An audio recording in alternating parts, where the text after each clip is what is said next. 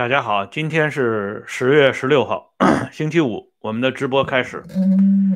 昨天的节目结尾处已经跟大家交代过一条一条啊，就是这个中央高级党校校长杨宪珍在北方局主持工作期间，特别是在整风运动进入抢救、审干这个过程当中，他的一些重要的表现，集中一点就是整人。那么今天要给大家介绍一个党史上非常不寻常的女人，正是由于这个女人，让我们把这么一段历史同后来文化大革命当中的一系列的啊让人触目惊心的事件有机的联系到了一起。这个女人的名字叫刘淑清。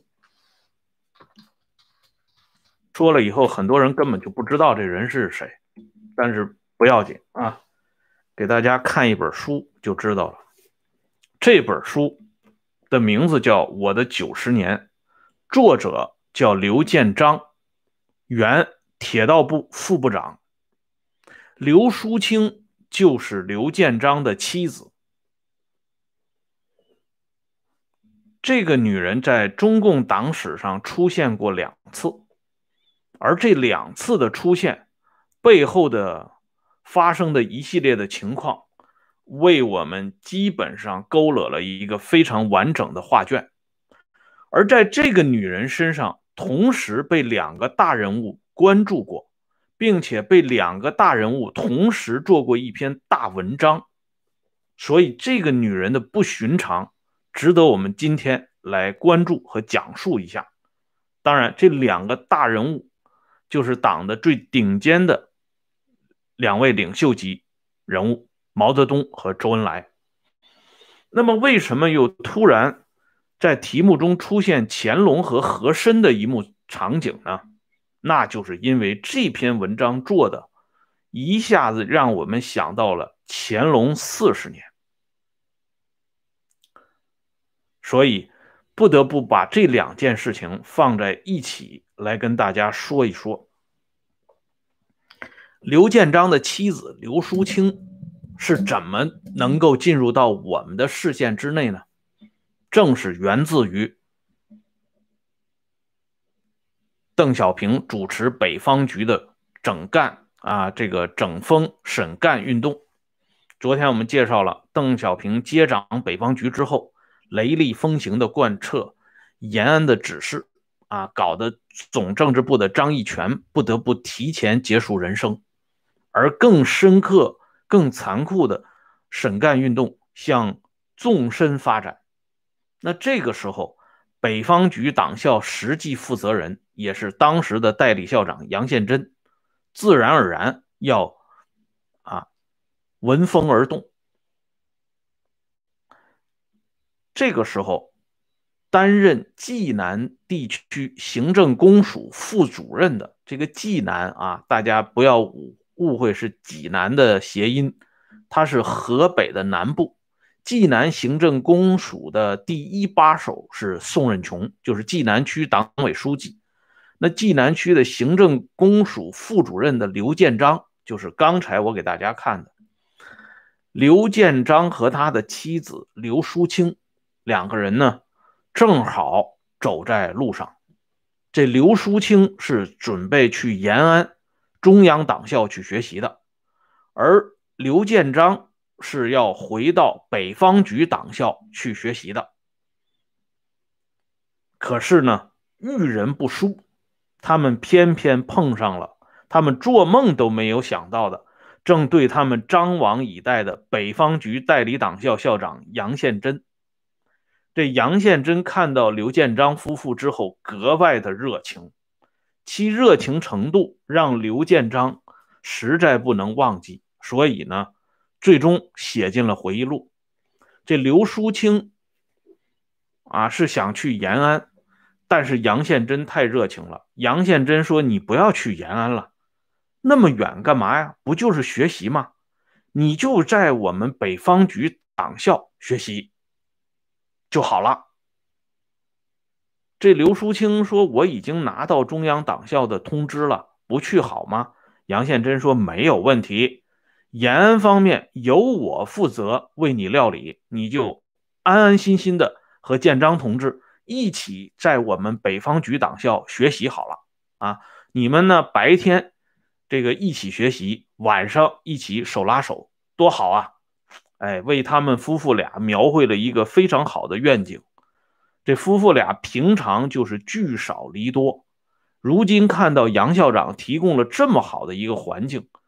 由衷的感到高兴，啊，也感到这个感激，说杨校长真是一个体贴啊同志和战友的好领导、好兄长。哎，就这样呢，夫妇俩在北方局党校安安静静的住了下来，并且开始他们的学习生活。然而，这个刚刚给他们留下极好印象的杨校长、杨大哥。突然之间就翻脸了，先把刘建章抓了起来。为什么？因为他们认定刘建章在在担任中共委书记的时候，发展了一个特务。这个特务叫谁呢？就是日后担任代理中南局第一书记、国务院副总理的王任重。王任重、李尔重、任仲夷，号称当时河北南部即济南地区的三大才子。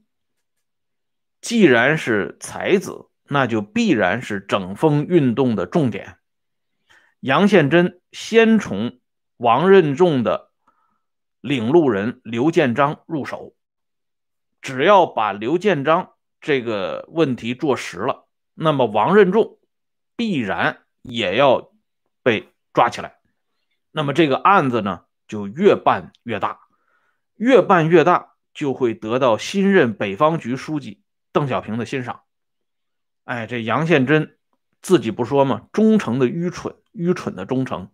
咱们不管这是愚蠢也好，是奸诈也好，是被动也好，主动也罢，反正刘建章已经被弄起来了。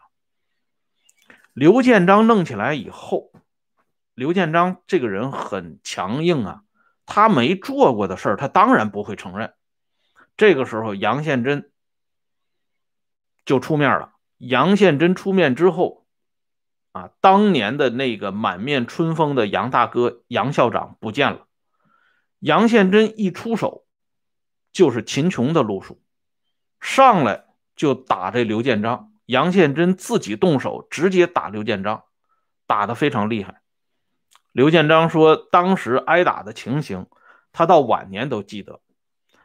到晚上睡觉的时候不敢脱衣服，因为一脱衣服，身上的血迹和就衣服都是啊，这个已经粘连在一起，脱衣服就等于脱掉一层皮，就打到这个程度。那光打刘建章还不行。还要收拾他的老婆刘淑清，因为这个先打薄弱之敌，啊，先易后难，这都是毛大帅的经典，哎，所以这杨宪珍呢也知道要从薄弱之敌入手，把这刘淑清先给拿下，从刘淑清的口中套出她丈夫刘建章的一些蛛丝马迹，这个案子呢就会有突破。刘淑清奉命去劝说刘建章啊，这刘淑清也是忠诚的愚蠢啊，愚蠢的忠诚。她认为她丈夫不会白白的被党组织给抓起来的，那肯定是有问题呀。党对自己的儿女一向是呵护有加，为什么这个时候凌厉相向呢？那肯定是儿女身上出了毛病的。父母管教子女，天下无不是的父母，这套东西。在刘淑清的脑袋中可谓根深蒂固。可是刘建章同刘淑清见面之后，明确的告诉刘淑清，什么事儿都没有啊，他是被冤枉的。这样呢，刘淑清最后一点底线还是守住了。她觉得她的丈夫跟她含辛茹苦啊，相依为命，不会欺骗她。所以她回来以后，面对杨宪珍的再一次逼问。他选择闭嘴，这一闭嘴呢，杨宪珍勃然大怒，啊，又采取了其他非常凶狠的手段。这些手段都用尽之后，刘建章、刘淑清夫妇都没有吐露杨宪珍想要拿到的材料。这个时候，有一个人坐不住了，谁呢？就是北方局社会部兼任部长罗瑞卿。罗瑞卿当时的地位非常之高，啊，几乎是跟彭德怀并驾齐驱。这个话题我们明天给大家详细说一下。这个时候，北方局社会部部长罗瑞卿果断的下令，刘建章这个人不能留了。这么顽固啊，车轮战术都没有把他拿下来，这种人一定是铁了心的要跟党作对。那么这种人留下来的价值不大了，找个时间，找个月黑风高之夜，就把这个人直接活埋掉算了。这是罗瑞卿下了令了。这件事情呢，是写在刘建章的回忆录里。只是呢，刘建章没有点罗瑞卿的名字，只是用了北方局保卫部负责人的这个词呢来代替罗瑞卿。但是当时呢，北方局没有保卫部，只有社会部，而负责人只有两个人，一个是罗瑞卿，一个是杨奇清。大家也就知道是谁出的主意了。而就在这个关键的时刻，刘建章守不住了。他一看，如果这样搞下去的话，自己这条命肯定会白白的丢掉了。怎么办呢？他选择了逃跑。啊，趁着晚上看守不够紧密的时候，他跑掉了，跑到了老乡的家里。后来这个事情终于真相大白，刘建章夫妇完全是无辜的。无辜到什么程度呢？当时北方局抓了一大批知识分子，抓了一大批党员干部进行审理，这些人后来都被证实是无辜的，但是他们的一些交代材料呢，都还是被放进了他们各自的档案里，只有刘建章和李尔仲例外。刘建章的所有材料被杨宪珍奉命都给烧毁了。因为这些材料太丑陋了，曝光的不是刘建章个人的事情，而是这些审讯者们的丑陋，所以呢，这些材料一把火都烧掉了。刘建章被带到了邓小平那里，邓小平问惊魂甫定的刘建章：“你说说，你到底有没有问题？”啊，这一幕就跟小品一样，刘建章。啊，就像这个小品不差钱里的那个服务员一样，就说：“那我该说有还是没有呢？”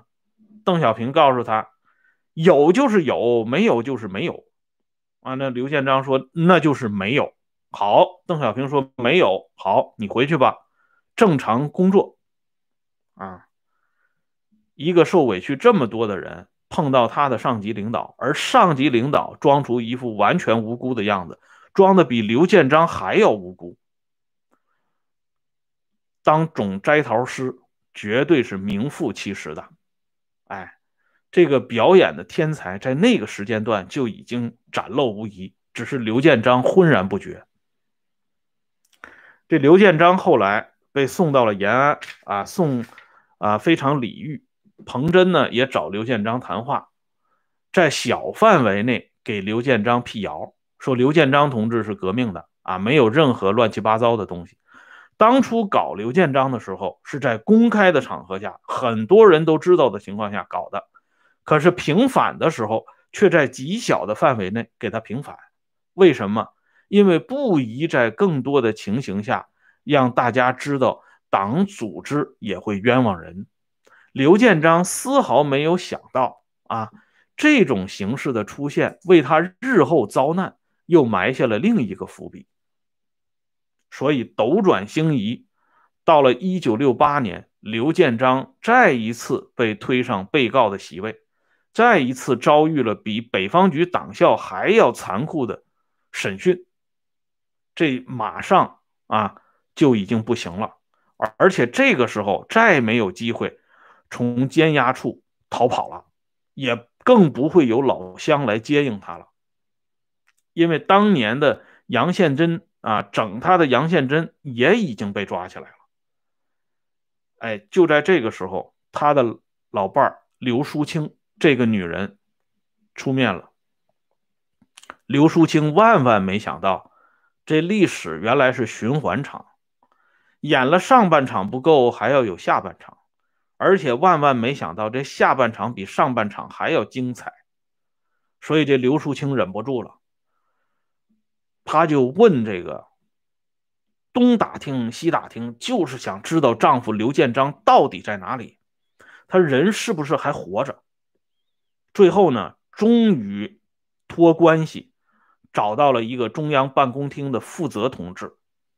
这个中央办公厅的负责同志，同时也是中央专案组里边的核心层。这位负责同志向刘建章的老伴刘淑清说了一句话。刘淑清就问他说：“建章到底怎么样？”啊，这位办公厅的同志说：“领导同志说，你放心吧，他不会死的。”啊，这刘淑清一听非常高兴，哎，觉得丈夫还活在人间，马上又追问一句：“为什么呢？”这办公厅的领导同志说的更加艺术了，他说：“如果他死了，会有人给你发通知书的。”这一句话。让刘淑清啊，有如一盆冷水浇头啊！这说的是人话吗？哎，不过呢，在那种非人的时代里，说人话本身也就完蛋了啊，所以不会有人轻易说人话的。这刘淑清最终投告无门，经人点拨啊，说你这个时候不能含糊了，必须给老大写信了。所以刘淑清。毅然决然的提起笔来，给毛泽东写了一封信。这封信送到毛的手中，我们看一下。谢谢这位朋友啊。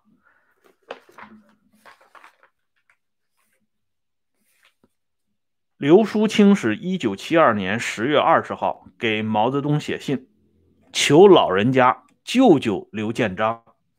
而毛泽东收到这封信之后，于一九七二年十二月回信，啊，不是回信啊，就是做了批示。这个批示上是这么写的：请总理办。这种审查方式是谁人规定的？问号，应一律废除。啊，非常简单的一段话。然后呢，我们再来看这个回忆录。李一萌的回忆录，原中顾委常委李一萌的回忆录。李一萌是这么为这个批语呢做了解读。一九七二年，刘建章夫人刘淑清把监狱的情形写了一封信，通过王海荣递到了主席手里。主席看了，居然无所顾虑的批示，请总理办。这里。李一萌说的这段话，我给大家以前就说过，他用的这个词非常好。主席居然无所顾虑的指出，这是谁人规定的，一律废除。啊，就是说，这领袖这次出色的表演，让所有人都大开眼界。这李一萌是若干年之后才醒悟到。领袖的这浓重的一笔，他所带来的现实和历史意义是多么的巨大。我们知道，一九七二年，正是当九幺三事件发生之后，毛在政治上已经遭遇前所未有的困境，而一大批老干部是被错误的整掉的，这些人嗷嗷待哺。嗯，正是嗷嗷叫的时候，刘建章的老婆刘淑清。这封信恰到好处的到来了，毛需要有这么一个台阶他就极好的抓住了这个文章，做起了一篇绝大的文章。但是，啊，我们说，如果仅仅是领袖来做这篇文章，谢谢老弟啊，那还是不够的，关键是要有一个同样天才级的表演艺术家出来。为领袖补台，两个人珠联璧合，才能把这篇文章做得漂亮，做得完整。而这个时候谁出来了呢？咱们敬爱的周总理出来了。那周总理他给补的这个台太漂亮了，漂亮到我们一下子不禁想到乾隆四十年，爱新觉罗弘历与他日后独一无二的宠臣和珅之间一次极为滑稽的对话，也是和珅发迹的源头。想到那一幕了，所以周恩来的这个补台，我们必须要花点时间详细的给大家解说。但是今天的时间已经差不多了，所以咱们准备明天接着说。谢谢大家上来收看和支持，我把会员的链接给大家发一下，欢迎大家随时加入温相说时政会员频道。八点九九元月费啊，记住这个，因为它分三三个档档次啊，不要搞混了。这个会员节目每天都有更新。